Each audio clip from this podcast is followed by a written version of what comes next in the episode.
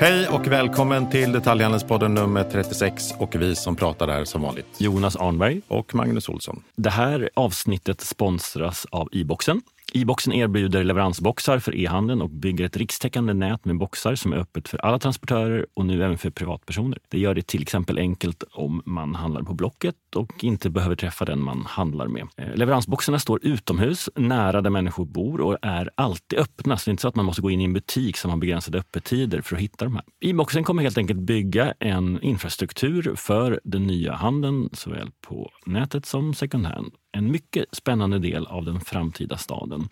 Och ni som vill lyssna mer om e-boxen får gärna lyssna på Detaljhandelspoddens 28 avsnitt där Marcus Trautman, kommunikationschefen på e-boxen, gästade. Tack e-boxen! Nu kör vi! Vi har en drömgäst, en jävel på e-handel, en som bidragit till att förflytta Servera från, eh, jag ska inte säga trött kedja, men, men från kedja till e-handelsjätte som nu har tagit sig an Nordiska galleriets resa och också skriver en bok som just heter En jävel på e-handel som kommer bjuda på alla de här tipsen. Och idag är han här för att prata med oss och bjuda på sina tips. Varmt välkommen Nick Stagger.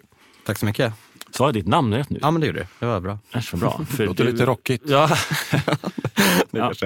Men mycket varmt välkommen. Du kan väl berätta Eh, börja med att berätta om dig. För du ju, jag nämnde Servera Nordiska galleriet, men du är också ICA-hjärtat. Du har en lång bakgrund och eh, e-handel är väl det som har varit det. Röda tråden kanske. Mm, ja, men, eh, ja, men min bakgrund kommer från allra första början så var jag trainee på General Electric på deras ledarskapsutbildning utbildning. Och där, där blir det extremt mycket lean, Sex Sigma, agilitet, effektivitet, eh, logistik, operation. Så, och det, jag lutar mig mot det fortfarande dagligen. Så det är en, liksom, en ben är logistiken. Sen efter det så började jag med agil transformation på olika bolag som konsult. Eh, och när man har agil transformation då är man väldigt nära produkt.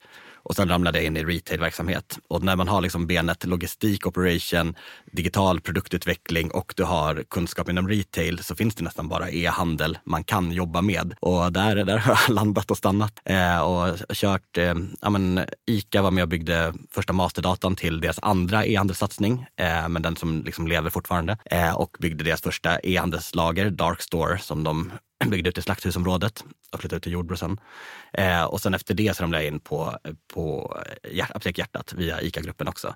Och lyfte det tillsammans med ja, Kristina och hela det gänget som ledde den i handeln från ett par hundra miljoner till, ja, nu är det en bra bit över miljarden. Och så den resan var, det var där jag egentligen lärde mig eh, vad e-handel är på riktigt. Liksom.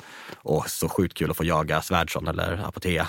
Det är den bästa skolan man kan ha tror jag. När man får nästan göra vad man vill. Man får mandat att pusha på vad man vill. Och sen därefter det så hoppade jag på, för det här var jag som konsult. Och sen så var det så här, men om jag kan det här så pass bra, vad, vad, vad händer om jag sitter vid rodret? Är det bara slides eller är det, är det på riktigt?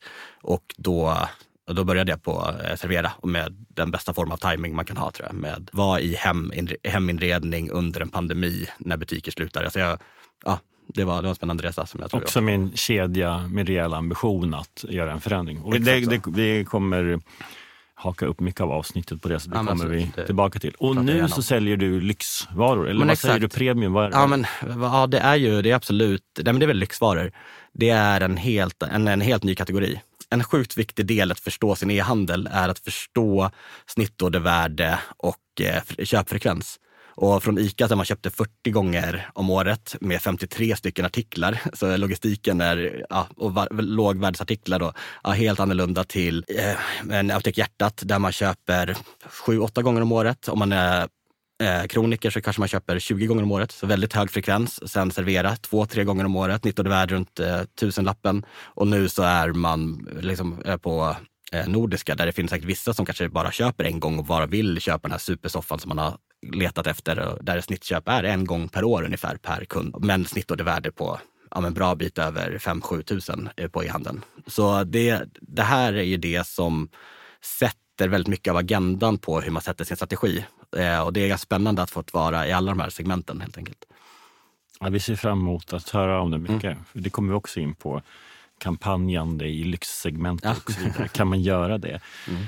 Eh, kort, du har en tysk bakgrund. Vi, Mm. bara, vi ska inte hänga upp avsnittet så mycket på det, men det är väldigt intressant för eh, du, precis innan vi satte igång här jämförde du tysk och svensk e-handel. Mm. Vilken är den stora skillnaden? Ja, men den, stora skillnaden, den största skillnaden absolut är ju att det finns en signifikant jätte på ett helt annat sätt som täcker upp hela, hela segmentet. Och det är ju Amazon som har varit inne i 22 år eller något sånt där tror jag på marknaden nu. Och det var väl också det som var, utan att kommentera mer om Amazon, men att tro att Amazon skulle kunna ta över på bara några månader när de skulle deras intåg i Sverige var ju väldigt naivt som vi lärde oss, som vi förstod också ganska fort. Eh, för det det är deras totala närvaro. De har digitaliserat tysk handel. Det är ensamma med det. Och det gör att det, det finns det är relativt eftersatt. De har också fått ett pandemilyft. Det finns många eh, varuhus som har blivit duktigare på e-handel under pandemin. Som jag säger, okej, okay, förut var det man nästan suckade när man såg tysk e-handel och nu så bara, ah, de har kommit ikapp rätt bra och förstår att det är det segmentet de har. Så de har nog lyft sig i fem år också som, vi, som hände för oss under pandemin. Men det som är så sjukt viktigt att förstå med tysk retail, det är att ett bondesland är som ett eget land och det räcker som marknad. Och du kan Bayern eller Baden-Württemberg, det, det räcker att ta ett sånt bondesland och det finns till och med stora, stora kedjor som har valt att bara ta södra Tyskland. Eh, och då förstår man ju om, om de som har varit i marknaden 50 år inte väljer att gå liksom hela landet, hur varje bondesland är unikt. Eh, och det tror jag är det man ska vara ödmjuk inför om man liksom ska eh, göra Tyskland. Speciellt om man, jag tror ju väldigt mycket på både fysisk och digital presence. Eh, och att det är det man behöver, behöver bygga mer för att kunna bygga bygga allt. Liksom. Och om man inte bara ska vinna på performance marketing. Men ja, vi kan komma till det också säkert senare. Det låter som du kommer göra Tyskland innan du drar dig tillbaka. Eh, ja, men alltså, jag vill knäcka, jag, vill, alltså, jag är sjukt driven av att knäcka koden för Tyskland. Jag har, jag har jobbat i Tyskland tre, fyra år under mitt, under mitt arbetsliv och allt sitter i en familjeföretag som är relativt stort, sitter i styrelsen där och är frustrerad. Eller det finns en revanschlusta att det ska gå att digitalisera Tyskland också. Det, det, det tyska kundmötet kommer vara annorlunda. Sen så är tysken absolut inte lika likformig som svensken. Det, det kommer finnas ännu fler parallella eh, strömningar samtidigt än vad det finns i Sverige skulle jag säga. Spännande Nick. Du, eh, innan vi går in på de olika casen som du ska prata om och hur man faktiskt gör, kan vi prata lite grann om ståstället för e-handeln? Därför att det kommer ju siffror nu både från Konjunkturinstitutet och förra veckan från Svensk Digital Handel som pratar om att e-handeln börjar hacka. Eh, det, så den tillbakagången är såklart olika distribuerad beroende på om man är eh, bra eller dålig eller råkat ha haft tur under corona och så vidare. Vad är det som vi ser nu? Vad är, vad är coronaeffekt? Vad är eh, liksom ut... Vad heter det? Att, att saker och ting, verktyg inte funkar på samma sätt som tidigare och vad är att folk håller i pengarna? Eh, kan du gissa lite om det? Ja men absolut, jag kan försöka sia lite om den grejen. Men det är väl, det är väl, det, det är väl just det att det är att sia. Vi har liksom aldrig gått in i en pandemi och vi har aldrig gått, ut, gått ur en pandemi, den klassiska sägningen. Så det, det är en extremt osäker tid. Jag tror, tror Ukraina-krisen gjorde det också. Det, är liksom, det finns flera effekter som händer samtidigt just nu. Eh, de, om jag ska vara ärlig, de länder jag har pratat med som mest i kedjedrift och så vidare, de har gjort ja, men, eh, alltså, ja, början av Q1 och därför är hela Q1 liksom fortfarande positivt. Men det är absolut inte generellt. Så det, fin- det kommer finnas eh, förlorare och vinnare även nu. Och alltså positivt jämfört med föregående år. Eh, men, men det finns en hög acceptans till att vi möter väldigt, väldigt starka tal. Eh, så Ja, vad, det var, man ska säga, det, det gäller ju att vara ännu mer noggrann med sin strategi och förstå eh, vilka... E-handel, man får ju svar så himla fort på e-handel. Så det, jag har nästan någon gång hört typ att men e-handel, eh, man, man ska inte sätta strategier, man ska bara sätta ett, eh, taktik. Och det som e-handel handlar om är att förstå eh, vilka rattar man har till, till, till godo och hur, vad som händer när man rör på de rattarna. Och då kan det liksom, du, kan, du kan ändra på en ratt eh, ja, bara, när som helst egentligen. Du kan liksom eh, pusha, ändra din performance marketing och se vad du får för effekt direkt. Alltså du kan få svaren så himla fort. Och det är väl här som man behöver vara ännu mer noggrann nu och förstå vad man vill åstadkomma. För man, man kan ju utifrån betrakta och tycka att e-handeln har ju haft en gratismacka ganska lång tid. Eh, retail har varit ganska dåligt differentierad. Eh, och när, när liksom tillväxten online har drivits av att ja, men, Har du tappat lite hastighet, då lägger du till ett produktsegment till. Eh, du skruvar upp din frekvens på sms och mejl. Eh, och funkar inte det, då höjer du rabatten. Eh, och så eh, eh, har man hållit på så. Mm. Både liksom de klassiska konkurrensmedel som alla har jobbat med under lång tid med tillgänglighet, mm. med betalsätt, med liksom leveranssätt. Mm. Alla är lika bra nu nästan. Eh, jag, tror, jag tror ju inte det. Nej. Eh, och det där, jag tror det där är fortfarande som är skillnaden egentligen. Skillnaden på de här grejerna är skillnaden. Eh, och det, det, det, är väldigt det är djupt förenklat att eh, att, att göra på det sättet. Skulle det är därför jag mm. försöker provocera det här. Men, men mm. hur kommer e-handeln behöva differentieras ja, i framtiden? Men, För det är ju ändå fler aktörer nu som ja, dessutom har har men det, samtidigt, upp ja, men samtidigt såg vi också en konsolidering eh, som tusan under pandemin. Det var ju, jag vet inte om det, om det var så många uppköp eller ihopslagningar någonsin under marknaden. Så jag vet inte om det är fler konkurrenter egentligen, kanske fler varumärken. Men ja, så det är väl en, en punkt, att det, det kommer nog kanske, konsolideringsvågen kanske fortsätter.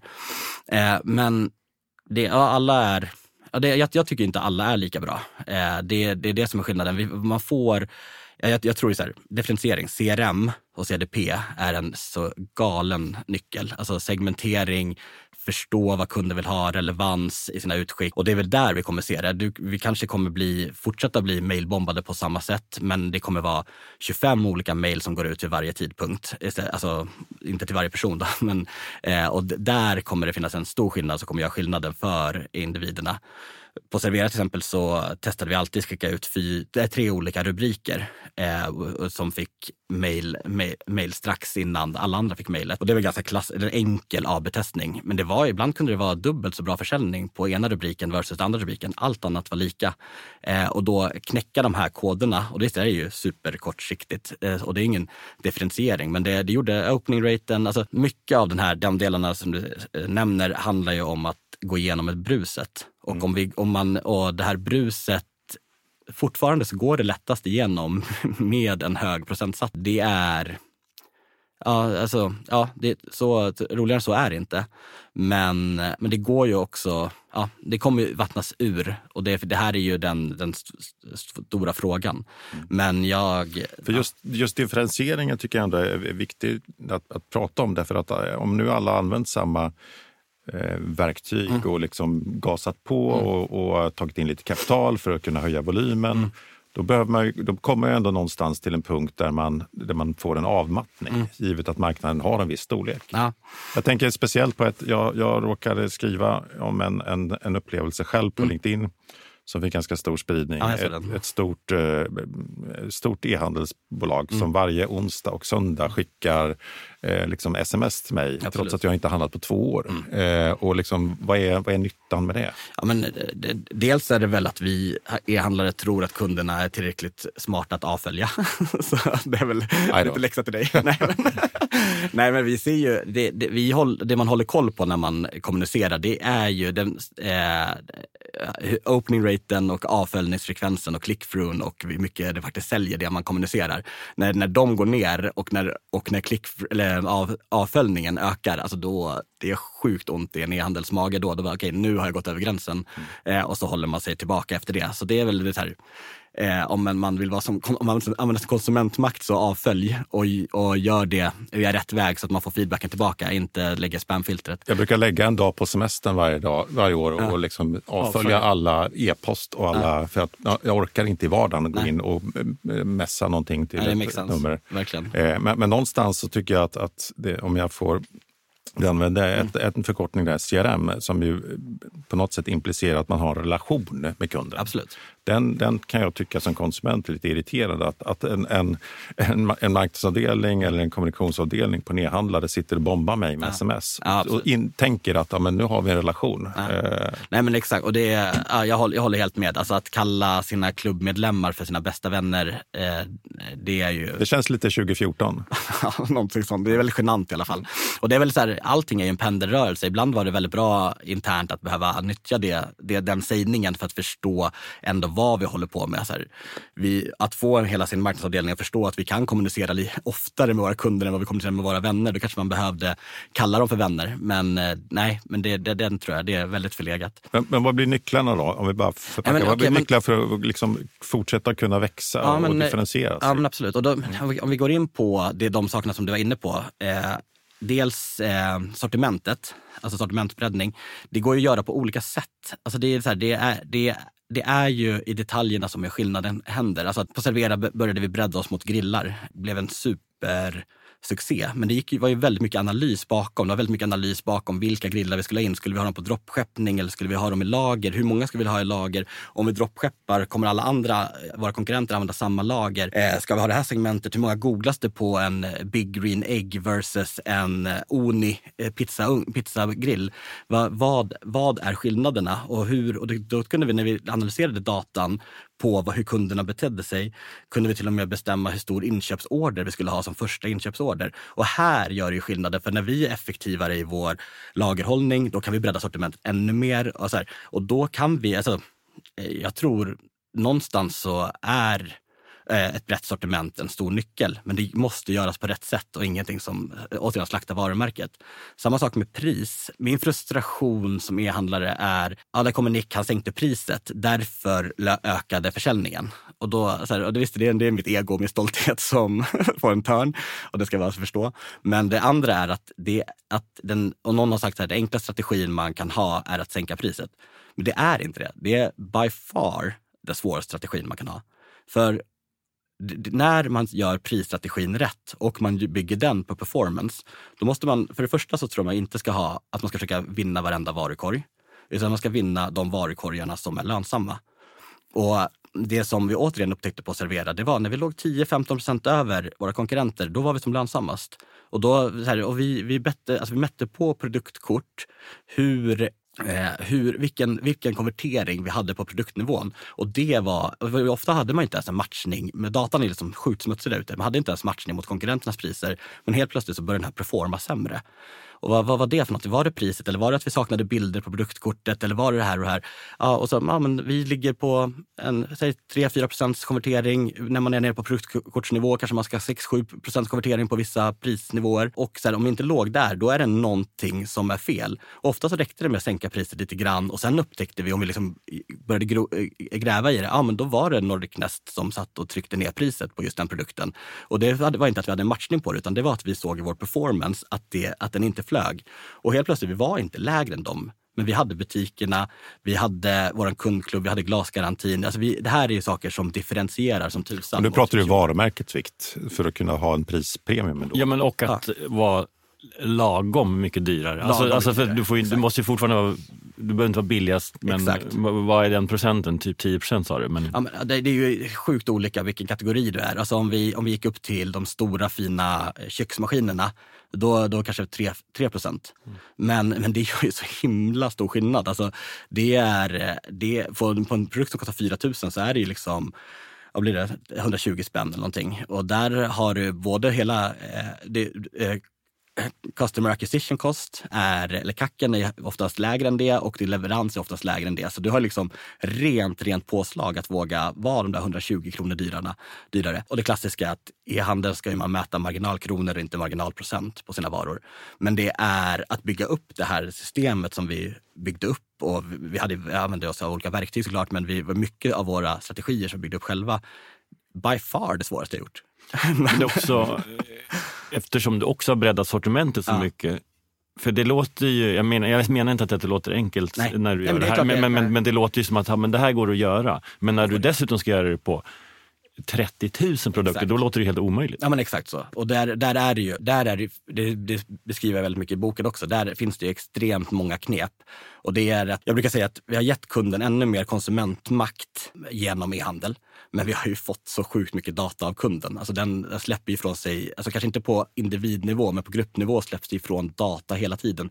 Du kan gå in i Google Search Console och se hur mycket söktes det på det här varumärket i snitt i Sverige eh, förra året versus det här året. Eller, och då, hur trendar det här mot det här? Och om du drar ut kurvorna själv, helt plötsligt så kan ja men shit, det är, det är KitchenAid vi ska satsa mot istället för Smeg-maskinen. Eh, Okej, då, då lägger vi, även om inte det är vårt största varumärke när det gäller köksmaskiner, så är det där vi ska ha vd-mötet och förstå att vi måste ha det bästa avtalet med de här. Och allt det här släpper kunden ifrån sig i extremt många olika kanaler, som är interna och externa kanaler.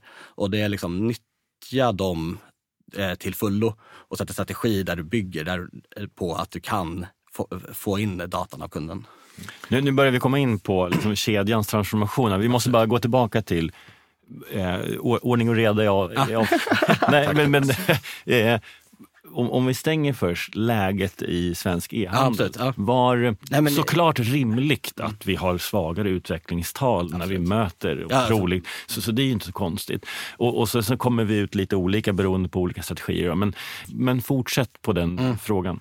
Ja, men, det är ju, men om man då ska differentiera sig så tror jag att e-handlare som... Ja, det, här är, det här trodde jag inte på för tre år sedan, men jag tror extremt mycket på den så kallade 60-40-regeln när det gäller eh, marknadsföring. I love it, tack. ja, men, eh, och den, den är sann, speciellt, och det anledningen varför jag tror på den nu eh, är för att det krävs tre, fyra års erfarenhet för att förstå vad, vad det betyder. Och 60-40-regeln är att du lägger 60 procent på varumärkesbyggande, 40 procent på performance marketing. Lyssna nu alla igen.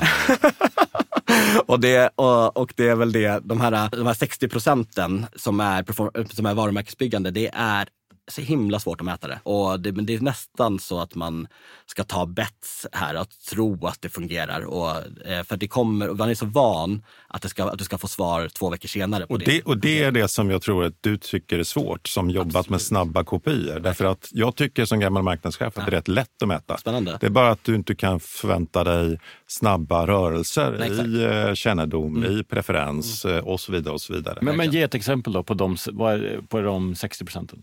Nej, men 60 procent handlar helt enkelt om att parkera ditt varumärke i människors medvetande så att du blir vald före andra utan att du behöver gå in på Google innan. För då har du ju både, och dessutom är det så att vi, vi människor är så enkla så att om vi känner igen någonting så, så har vi en större tilltro till att det är bra. Yes. Eh, så att har du ett känt varumärke kontra ett okänt varumärke så har det kända varumärket alltid en prispremium om man inte har gjort någonting som är jättekonstigt. Mm.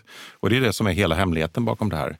Mm. Men, men, och det är därför som jag tror att, att e-handeln, om e-handeln ska fortsätta att växa så måste man till viss del gå ifrån de rent taktiska för att också eh, investera i, i framtida mm. tillväxt och räkna med att ja, men det här får jag inte, jag, får inte, jag kan inte mäta idag. Nej. Jag kan mäta det på kanske på ett kvartal om jag är duktig, men troligen på över ett år. Mm. Och tittar man på de varumärkena som har gått riktigt tufft och haft riktigt tufft, ta till exempel en, en sportkedja som heter Intersport, så har ju de haft fallande preferens, fallande kännedom över väldigt lång tid. Ja. Men det tar ett tag innan man liksom, det här märks i Eh, i, i butik eller i avsluten. Och det är också, så att det här är kinkigt både på vägen upp och på vägen ner. Mm.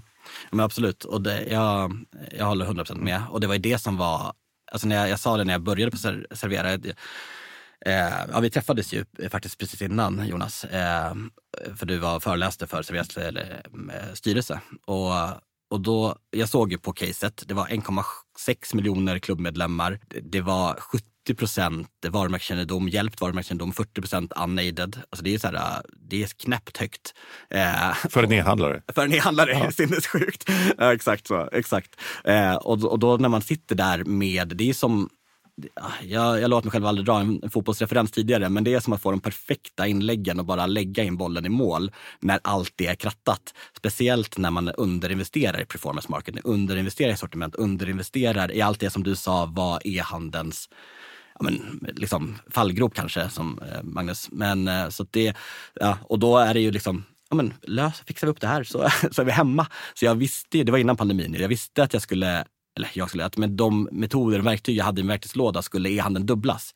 Alltså att, eh, att, eh, och just av att det fanns liksom ett kundbeteende att köpa de här varorna digitalt. Alltså det, var, ja, det, det var ett väldigt relativt enkelt case från början och sen så var det betydligt bättre än så. Och så vidare.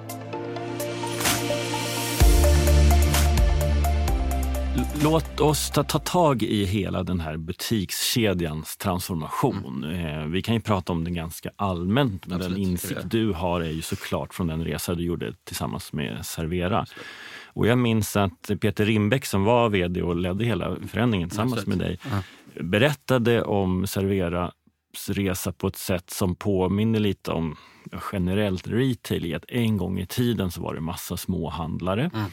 Så var det någon som kom på att om vi, om vi går ihop och gör gemensamma inköp mm. så, så blir det mer effektivt. Och så skapade man en, en kedja. Mm. Och, och eh, det var ju väldigt rätt. Det blev väldigt mycket effektivare. Men det blev också väldigt mycket tråkigare, mer likriktat och sådär.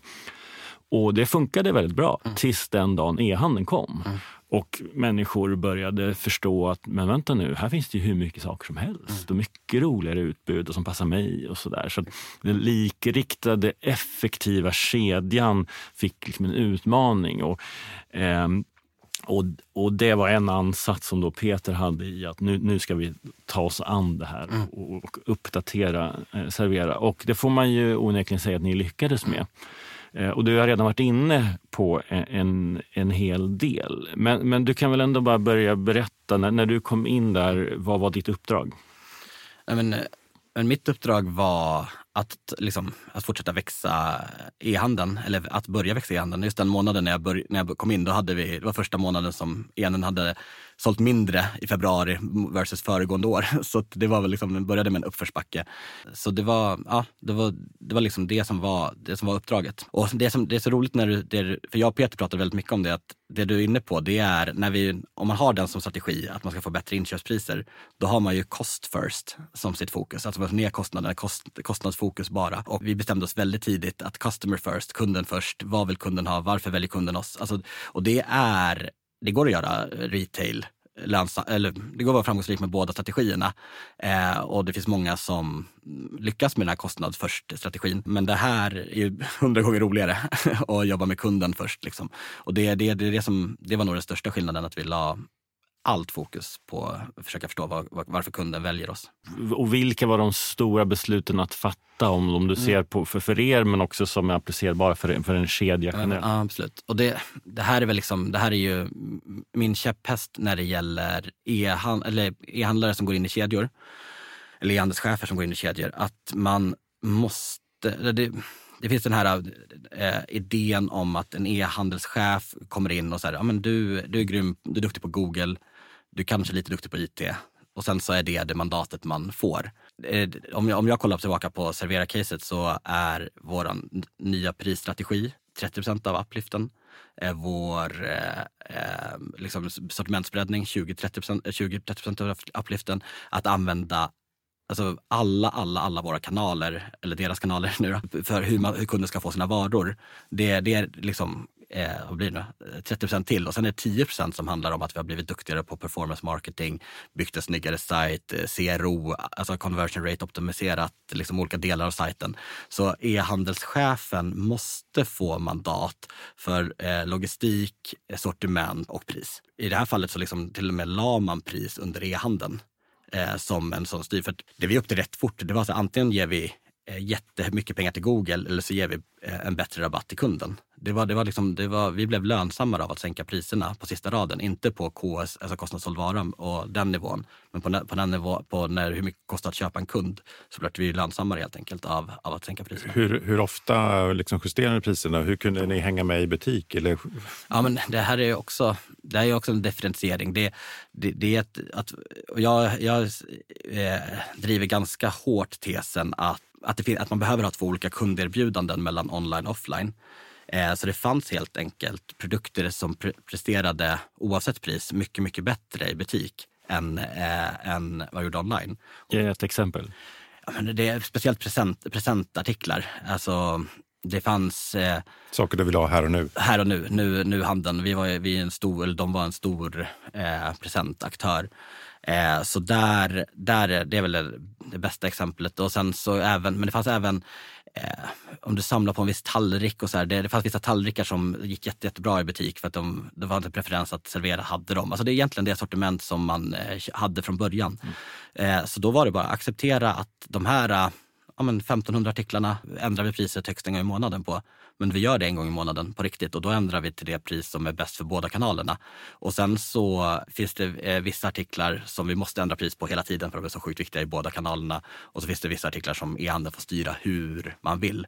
Och där, där, kunde, där hade vi, byggde vi upp möjligheten att ändra pris flera gånger om dagen om vi ville. Det här, alltså klart det är en omställningsresa som tusan, alltså eh, en change management-resa och liksom få förtroende. Det var ju många som så här, kallade mig för eh, räk Eh, försäljaren för att vi, priserna ändrades som, eh, som en fiskehandel typ.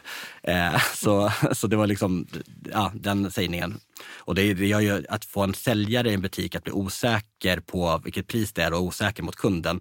Det kommer sabba kundmötet som tusan. Eh, allt som man ska göra för eh, säljarna i butik är att göra dem så trygga och säkra, ge dem verktyg, göra dem till att kunna vara en hjälte, kunna veta mer än kunden. Och det här var ju motsatsen till det. Så därför isolerade vi vissa priser som bara fick en prisjustering vid vissa tillfällen så att den osäkerheten inte skulle infinna sig. Mm. Otroligt intressant. Och sen så gick du på sortimentet också. Mm, för att det känns jätterimligt att du är ansvarig för priset. Eller liksom mm. Men sortimentet, var det svårare att få igenom det? Ja, ni växte från så här 5 000 artiklar till... Ja men 25 000 tror jag Servera har i dagsläget. Ja men det var, det var svårare och sen, sen var det vart ju... Det, jag brukar säga att pandemin, vi kommer komma in på pandemieffekt mer sen, men pandemin, första delen i pandemin var att butikerna slutade sälja och det blev så här, okej okay, vi lyssnar på vad e-handeln, hur e-handeln skulle vilja driva affären om det var e-handel. Så det var egentligen var det att det var väldigt mycket lättare att driva igenom förändring. Så det, det är liksom den stora effekten för Serveras räkning. Om man säger så. Det var, ja, vem driver, det fanns väl något så här mem, så här, vem driver eh, e-handels eh, eller vem driver digitaliseringen på det här bolaget? Det var så här, CDO, CEO, covid-19. Och det var covid-19 som drev digitaliseringsförändringen på, på Servera helt klart. Men Eh, och då, men då var det, det var sjukt mycket att jobba med datan. Alltså, Maria som Norinder som kör det, hon är supergrym eh, sortimentschef och driver sortimentet och hur bra som helst. Så det var liksom vi som tog axel mot axel och jobbade igenom det. Men bara så här, vi såg upp till bagaren och kocken alltså, skrapa dem, se hur mycket artiklar det är. Vi såg upp till eh, annan, eller flera andra konkurrenter, förstå vilka konkurrenter som är våra. De har gjort ett sortimentsjobb. De har säkert inte slarvat supermycket med det. Använd, liksom, så här, eh, och det, det som var så coolt var att vi, det första uträkningen jag gjorde var att tog alla de här datan och så la jag på det på vårat i varje, varje kategori. Och så hade, var det jättestor skillnad. Alltså glassmaskiner är väl det jag pratat om mest. Men det är så här, det var, hade vi fyra glassmaskiner. Eh, en annan konkurrent hade 54 glassmaskiner. Vi hade ingen i lager, vi hade någon i någon butik. Det exemplet, vi såg det direkt. Och sen så kollade man, det var liksom potentialen, fast stor potential på glassmaskiner. Så här, check. Och så var det mycket googlingar på olika glassmaskiner. Men sen nästa, hur, mycket, hur enkelt är det att få in de här varorna? Och då hade vi kontrakt med över 30 av de här glassmaskinerna var att vi hade liksom kurerat bort det för vi var för fina för... Alltså det här, jag, jag raljerar ju lite grann, men det var så här, det här passar inte Servera. Men våra kunder söker ju på det här i vårt interna sök. Kunderna tror att det passar oss. Liksom. Ja, och då var det ju, eh, så första 10 000 artiklarna, det var ju inte ett enda nytt kontrakt som behövde skrivas utan bara några telefonsamtal och säga vi vill ha lagerplats för det här. Och vi hade ju super, en annan sak som var superflyt. Vi hade precis flyttat lager och, eh, och hade ja, men, hur mycket plats som helst. Så egentligen skulle det vara en, en Aditro som skulle hyra ut till en annan konkurrent egentligen. Eller inte konkurrent, men en annan e-handlare. Men vi sa vi tar hela lagret och så fyllde vi, så vi hade hur mycket plats som helst på lagret. Eh, så då, då var det bara slänga in varor. Och det är ju, det är ju liksom hela sättet att öka din träffyta som e-handlare. Alltså e-handelsköpet inträffar väldigt, väldigt inträffar utanför din sajt. Inte lång tid innan, men eh, många klick innan inträffar ditt... Medan i en butik så inträffar ditt köp egentligen långt innan. För du måste ha preferens på att det är värt att promenera till Servera-butiken. Eller till den butik du jobbar i. Så det, det är också den skillnaden. Och då behöver du ha en träffyta som är stor. Och därför är sortimentsutvecklingen så avgörande.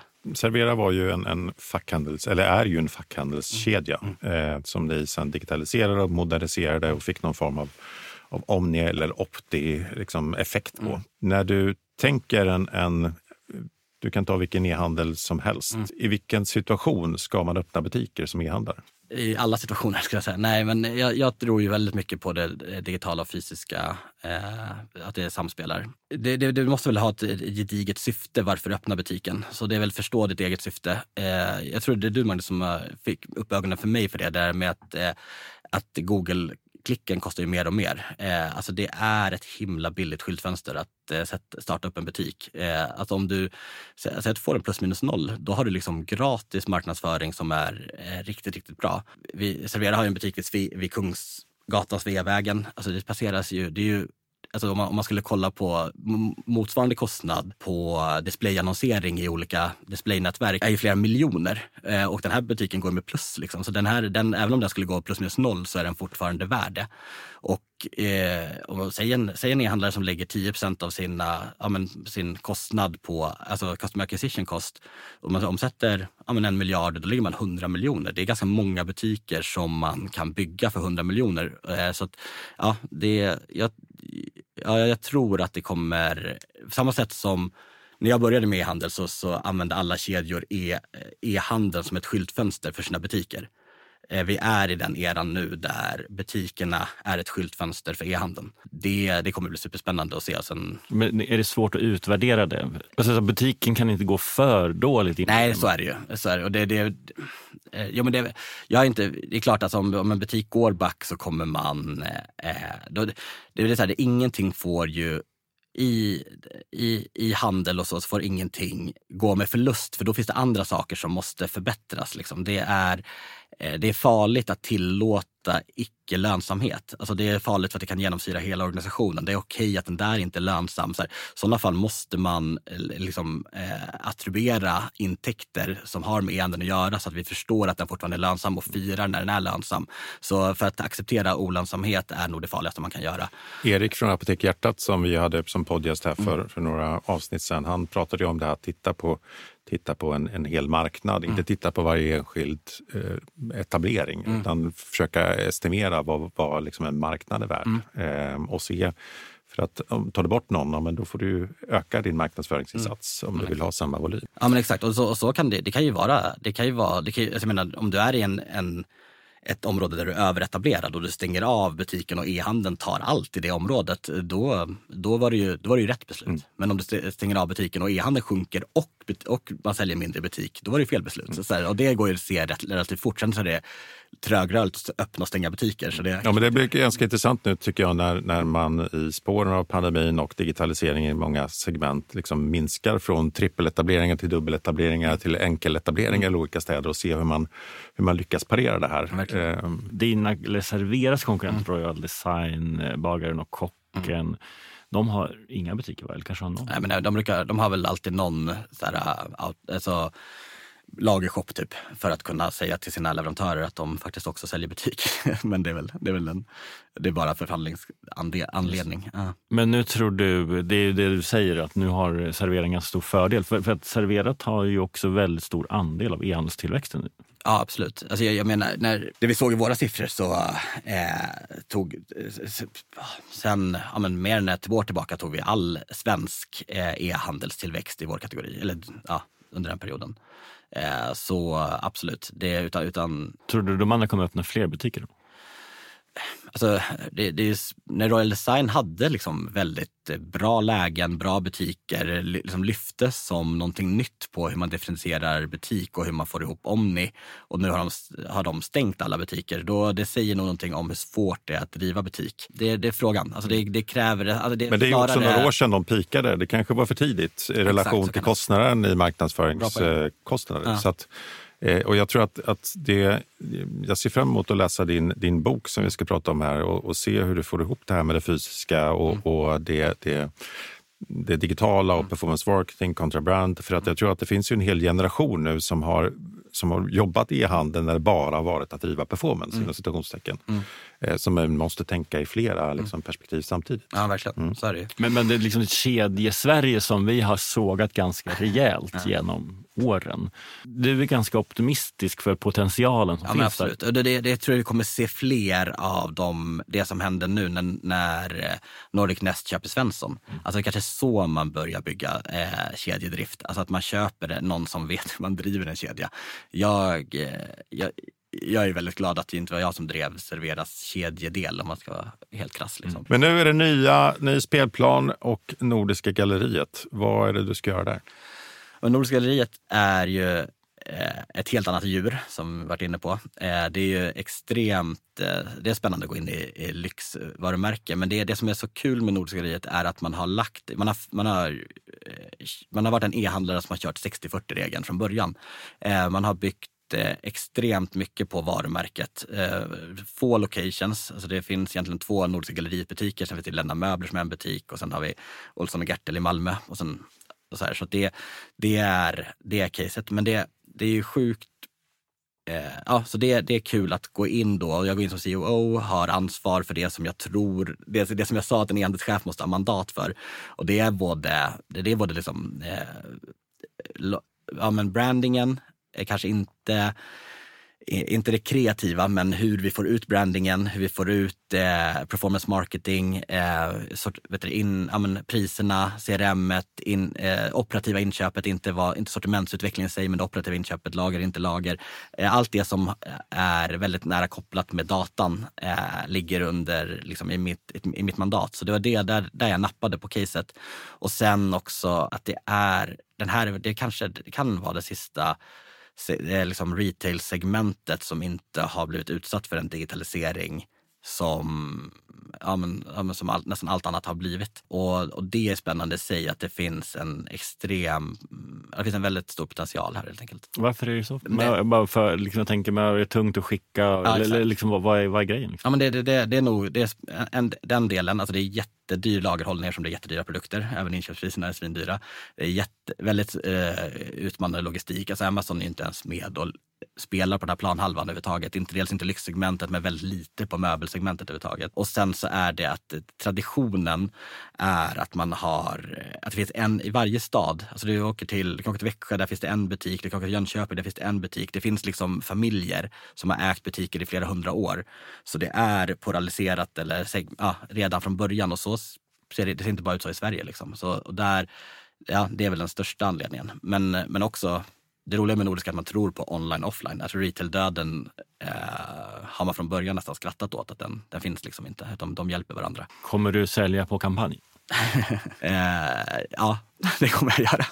Jag... Får man göra det? Alltså, det... Nej, men det, det, det, är väl... Eh, jag så här, som jag är inne på så är en, en hög procentsats dess, dess viktigaste uppgift är att gå igenom bruset. Att, att, jag ser inte, det, I det här segmentet framförallt så är det inte så mycket som handlar om share of wallet. För det här liksom, det handlar om en sparkonto, inte om ens eh, eh, lönekonto. Eh, det är liksom det första. Och då blir det snarare share of time som blir det viktiga. Hur mycket tid spenderar man i våran kanal? Eh, och för att komma igenom bruset, för att börja hänga på vår sajt eller hänga i vår butik så är en, eh, ett kampanjbudskap kanske enklaste och fegaste sättet att komma igenom. Sen så kommer med, med CRM och CDP så eh, kommer man eh, kunna segmentera så att man är mycket, mycket mer relevant hela tiden i sin kommunikation.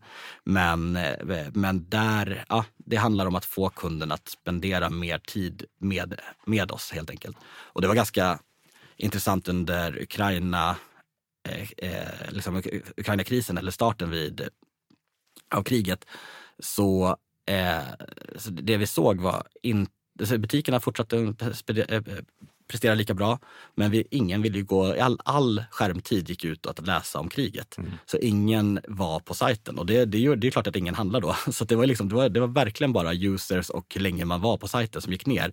Konvertering, snittköp, det låg, låg kvar likadant. Så det handlar också om att folk var inte mer rädda om sin plånbok. De var, de var upptagna med sin tid att göra annat och, och, skärm, och gå till butik, då, det är något annat än skärmtiden. Alltså man konkurrerar mycket, mycket mer mot Dagens Nyheter än vad man konkurrerar eh, mot eh, eh, ja, man konkurrerar med vad man gör med sin skärmtid än vad man gör när, i butikshandeln, en om plånboksandel. Liksom. Mm. Ja, men det, ni har ju ett sortiment eh, som, som liksom inte är... Du måste inte köpa en fåtölj för 50 000.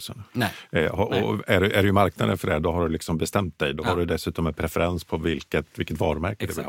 du vill ha. Eh, och då handlar det mer om när. Ja. Och samtidigt så är det så här, vi, alltså, det, det är också, apropå kampanj, det är, det är, man måste vara mycket, mycket försiktig. Eller det, det, finns ing, det finns inte alls lika stor anledning att göra det. Eh, men och anledningen att det inte, det är ju det att det finns ett andrahandsvärde och 50 000 kronor för en fåtölj är dyrt och 45 000 kronor är också dyrt för en fåtölj. Så det finns, det, finns liksom, det finns ingen anledning att prispreferensen ska eh, går ner. Det är inte där man vinner fighten. Så, Nej, men jag antar att leverantörer, eller leverantörer oavsett bransch blir Ja. väl irriterande om du rear ut deras varumärke. absolut. men, men här kan jag inbilla mig att här är liksom tröskeln för det ännu högre. Absolut. Ja, man kan hoppas det. Det, alltså det är ju det är våran, det är vår, det är vår önskan, vår, eh, vårt mål. Att, att, det ska, att, de, att alla leverantörer ska vara sjukt noggranna med, sin, med hur ke- eller liksom e-handlare och handlare generellt eh, jobbar med pris. Och ni säljer bara andras varumärken? Ni har, ingen eg, liksom- eller har ni egna grejer också? Ja, vi har lite egna grejer också. Eh, så vi, I, ja, i, sam, I samma liksom premium? ja exakt. Ja, förlåt, det är jag som är dåligt på det. Nej, precis. Nej, men vi, vi, vi har Dusty Deco som är eh, vårt eget varumärke eh, som vi liksom jobbar fram nu. Men det viktiga, det som är också roligt med Nordiska galleriet är att i, i alla andra segment så har det varit att man antingen så handlar man på eh, den här butiken eller så, eller så köper man det här varumärket så bryr man sig inte om det. Men här har man också eh, designen. Alltså det är vissa som inte, man, Antingen köper man Nordiska galleriet eller så köper man en eh, från varumärket Dux eller så köper man en Jetson-fåtölj eller så köper man en Bruno Mattsson eh, designad eh, pryl. Och så finns Bruno Mattsson på flera olika varumärken. Och så här. så att det, det finns flera liksom, områden att eh, att kommunicera eh, med här och då kanske det är vissa, vissa av de här, den här designen skulle vi aldrig sänka priset på. Men, och då, men det är också viktigt att när vi bygger egna varumärken att vi har designers eller arkitekter i, i ryggen. Du, vad, eh, så här, varuhustanken på nätet har ju inte fungerat fantastiskt Nej, bra. nej. Man går in och googlar på eh, Lamino eller Mm. på eh, vad det nu är man gillar. Liksom. Vad- o- o- om, om leverantörerna till er skulle gå D2C, Mm. eh, vad, vad, de, de verkar inte göra det, men, men, men skulle de inte kunna göra det? Ja, men det, det, är väl så här, det, det är väl från alla branscher så är det det, det bästa, eh, bästa jag vet, eller bästa e-handlare vet, för då fattar de hur svårt det är. Då fattar de, om de går, om de går till D2C så kommer de inte heller säga att, att sänka pris är det enklaste man kan göra. För de sänker priset och så säljer de ändå inte. Eller så håller de samma pris och säljer absolut inte. Eh, så där blir det ju, en, det hjälper oftast de här bolagen att förstå vad vi håller på med och varför de ska hjälpa oss att hålla upp prisnivån. Liksom. Och därför och vara noggranna med sin distributionsstrategi och så vidare. Så vidare. Så att det, det, eh, de, här, de får gärna eh, bränna sig på hur man bygger D2C. Eh, och, och sen så finns det säkert att de rekryterar någon grym e-handlare som, som vet hur man gör och bygger det. Ja, alltså jag, jag, Men det, inte jag välkomnar- det, det är du inte så stressad över. Du bygger snarare kompetens för din, ditt sätt att leda. Liksom. Exakt så. Ja. Jag, jag, ser, jag ser det mycket mer så. Det är, och det kanske är naivt eh, eftersom det liksom inte har hänt. Men, ja. Och sen, så finns det, sen, sen finns det, har vi strategier för vad vi ska göra där som jag tror inte kan säga riktigt.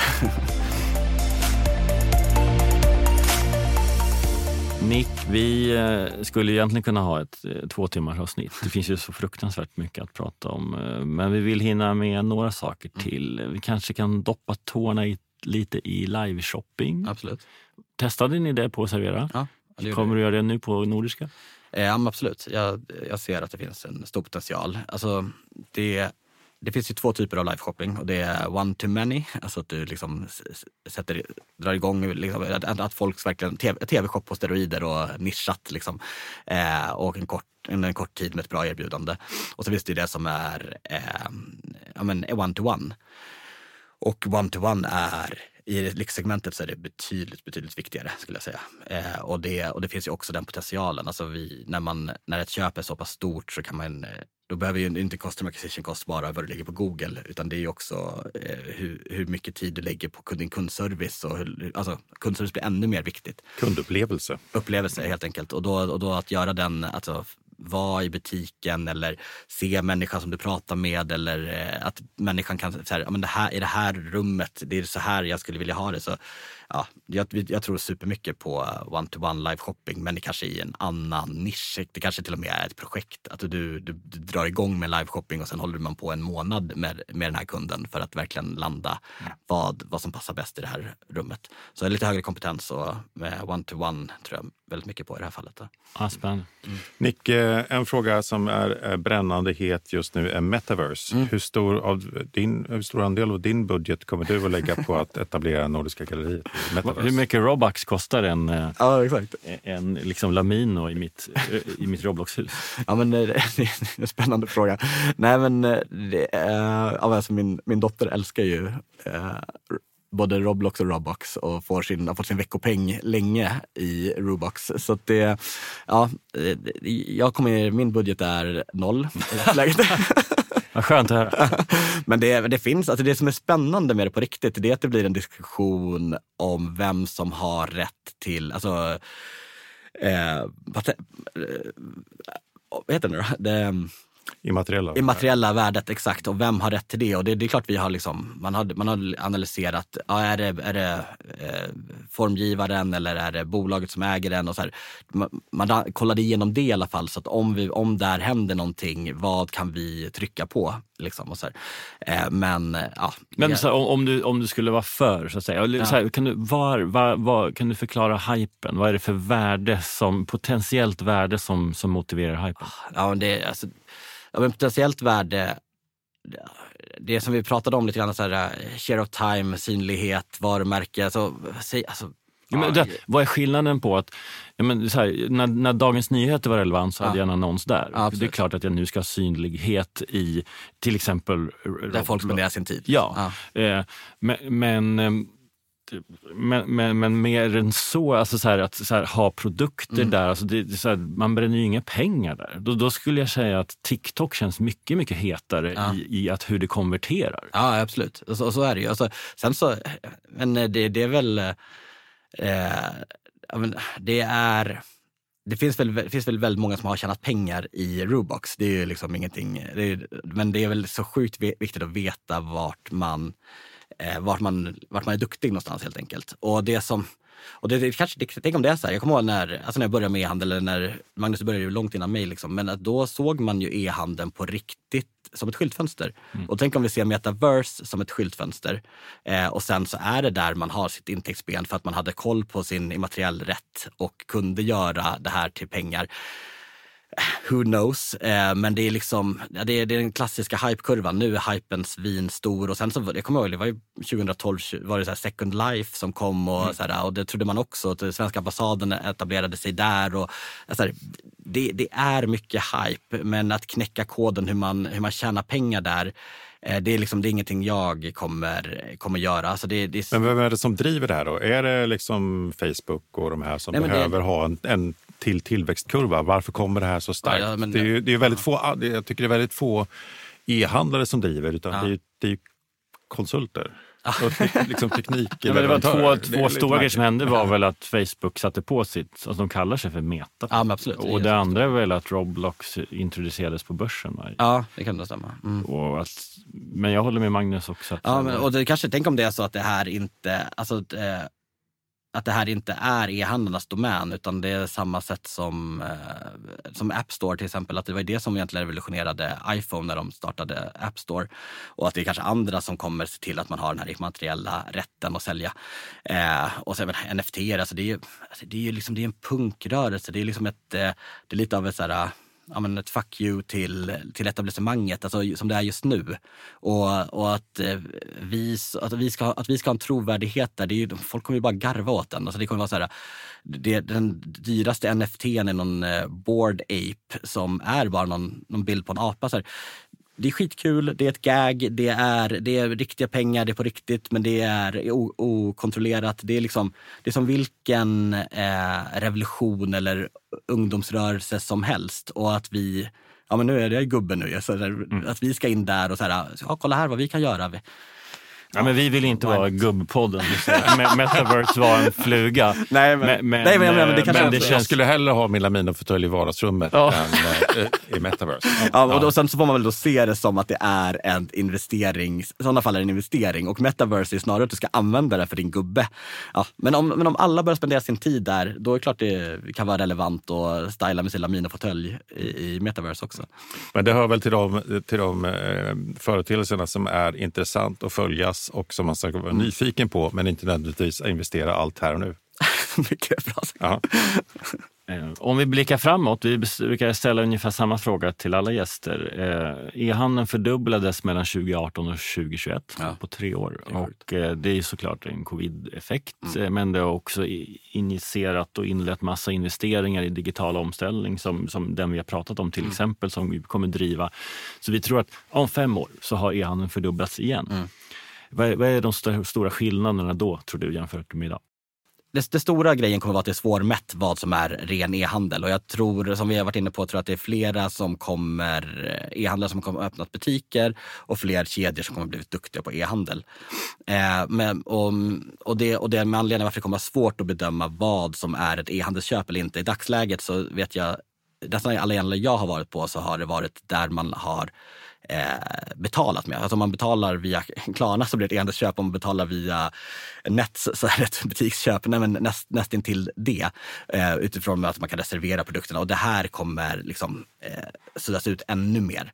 Eh, jag, tror, eh, jag tror vi kommer vara väldigt, väldigt mycket duktigare på att segmentera våra kunder, att förstå våra kunder eh, och att det kommer liksom finnas en förväntan på e-handlaren att, eh, att, att det budskap som man sänder är korrekt och passar. och så här. Jag tror, och jag tror, alltså, men bara, bara det här att eh, nästan alla maildatabaser jag har varit i har 30-40 procent varit Gmail-adresser. Alltså har Google inte bara makten för sitt eget CBC, de har också makten att pusha din, ditt, ditt, ditt mail till skräpposten hos 30-40 procent av dina, din kunddatabas.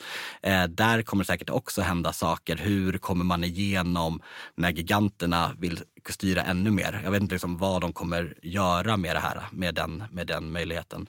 Eh, för det är också en sårbarhet för e-handeln att, att det, det är så oligopol liksom i, i kommunikations... Mm Verkligen. vägarna. Ja. Mm. Och sen så är det väl liksom, det finns, det finns inget sätt, alltså det, det, man måste komma ifrån sitt Google-beroende, mm. eller den så kallade Google-skatten.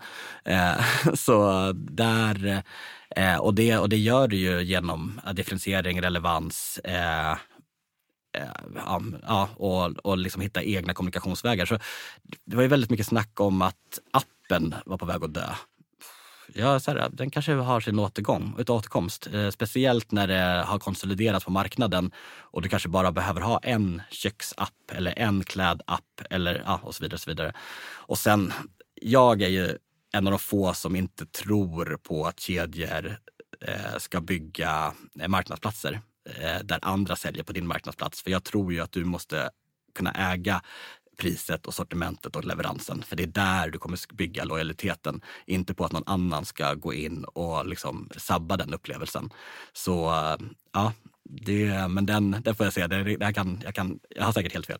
Nej, och vi får se. Jag tycker det du sa tidigare var väldigt intressant i hur man, vi nu är i övergången från när butiker hade e-handel för att driva människor till butiken, mm. för att nu ha Eh, butik för att driva affärer till e-handel. Exakt. Och eh, det kommer ju ha gått betydligt längre. Mm. Och du, tror du att eh, hur, hur många e-handlare, har du en procentsiffra på hur många e-handlare har butik idag? Uff, nej, jag har, nej, nej, inte jag inte heller. Jag har ingen aning. Vi, vi vet ju att alla butiker har ju såklart e-handel. Ja, men, men det omvända är inte... Är det Nej, men det är ju... Det är 10 procent? Ja, men, det, det, men samtidigt det är en jättepotential med tanke på men hur, hur fastighetsägare försöker fylla sina, sina tomma hål ja. och, och, så vidare. Och mm. kostnaderna online går upp. Ja, men exakt så. Ja, så att det, det blir ju spännande att se på ett femårsperspektiv. Men jag tror inte på den, här, den trenden som fanns tidigare, det här pop-up shop. Att, det, det, det, det är så här, en, att etablera en butik är ju att, att, då vet, alltså det är ju det är att äga ett space i den fysiska världen på samma sätt som du försöker äga ett space i den digitala världen. Verkligen. Och om det försvinner och kommer upp och försvinner och kommer upp, då, det hjälper ja. inte. Ja, men en säsongsbutik då? Ja, men, nu är... men alltså, det är klart. Det... Ja, men sluta nu Jonas. Eftersom det här är en utbildande eh, gubbepodd så måste ja. vi också påpeka att den, en av de stora fördelarna med fysisk butik är att man har en hög andel basförsäljning eftersom man har ett inarbetat läge. Exakt. Om du öppnar en pop-up och, och försöker driva trafik dit och sen flyttar du ner där, flyttar du den efter tre månader, mm. ja men då har du ju då har du tappat en stor del av den investeringen som faktiskt fysisk butik ja. Sen så tror jag att man kan bygga pop-up butiker vid vissa event. Ja, absolut. Alltså, ja, då, är det, då är det marknadsföringsevenemang. Ja. Mm. Men Nick, du är en jävel på e-handel. jag hoppas det. Ja, och eh, som av en händelse så kommer det ju snart ut en bok mm. eh, som beskriver det du har lärt dig. Ja, men exakt. Eh, mm. Kan du berätta om den? Ja, men visst, den, eh, Vad heter den? Den heter En jävel på igen. Ja. och, det, och det var väl liksom, det var, så här, det var en, det var en sägning som, ja, som någon kallade mig för och så sa jag det till min förläggare att någon hade sagt det om mig. Ja, men då, så ska den heta tyckte han då. Så det, det, får, det fick bli så. Men det är inte du som står och slår på bröstet i boken utan det, Nej. Du, du, du, den syftar till att också att jag och Magnus skulle kunna bli en jävel på igen. Ja men precis, verkligen. Och jag tror, att, jag tror ni är det också om jag ska vara helt ärlig. Men, eh, det, men det är det är inte den klassiska e-handelsboken att så här bygger du en sajt, så här gör du det här. Och så, utan det är väldigt mycket av det vi har pratat om. Alltså väldigt, väldigt, väldigt konkreta tips. Alltså den börjar vi har liksom beskrivit, beskrivit den som en, nästan en tratt, att vi börjar där, alltså 60-40-regeln. Eh, släpp inte det, förstå share of search, förstå preferens, varför, vill, varför, tror, varför vet kunderna om att du finns? Och så går den liksom neråt och så blir det mer och mer konverterande i hela, i hela boken, hur man, hur man jobbar sig igenom det. Och, i, eh, och, och, och, där är det allt från hur du ska tänka kring eh, CRM, hur du ska tänka till, kring sortiment, kring pris, eh, hur du inte blir beroende av Google, hur du skapar eh, din äkta lojalitet, vikten av kundservice. Eh, ja, så det är du kommer inte ha tid att jobba på Nordiska längre. Du kommer ju behöva vara runt och prata om det här överallt. Ja, men eh, det, är väl, det hade varit kul om man ja. får göra det. Men eh, det är också det är sjukt kul att bygga på riktigt. Och det är ju, det är ju liksom att man kan inte lära sig det bara genom att konsulta. Utan att sitta, stå vid rodret är ju det är absolut det roligaste. Men nu kommer ju alla vilja läsa den här boken. Och, och när, när kommer den? Men den, eh, den går för, förboka på Adlibris i dagsläget. Eh, den kommer 2 juni. Så det är lite svettigt just nu om jag ska vara ärlig. Mm. Ja. ja, den ser vi fram väldigt mycket ja. mot att läsa. Ja, kul. Nick Stagger, det har varit fantastiskt att ha med dig i Detaljhandelspodden. Ja, men tack för att jag fick komma. Stort tack Tack alla ni som lyssnar. Jättekul. Eh, vi hörs snart igen. Härligt. Hej då! Hej då!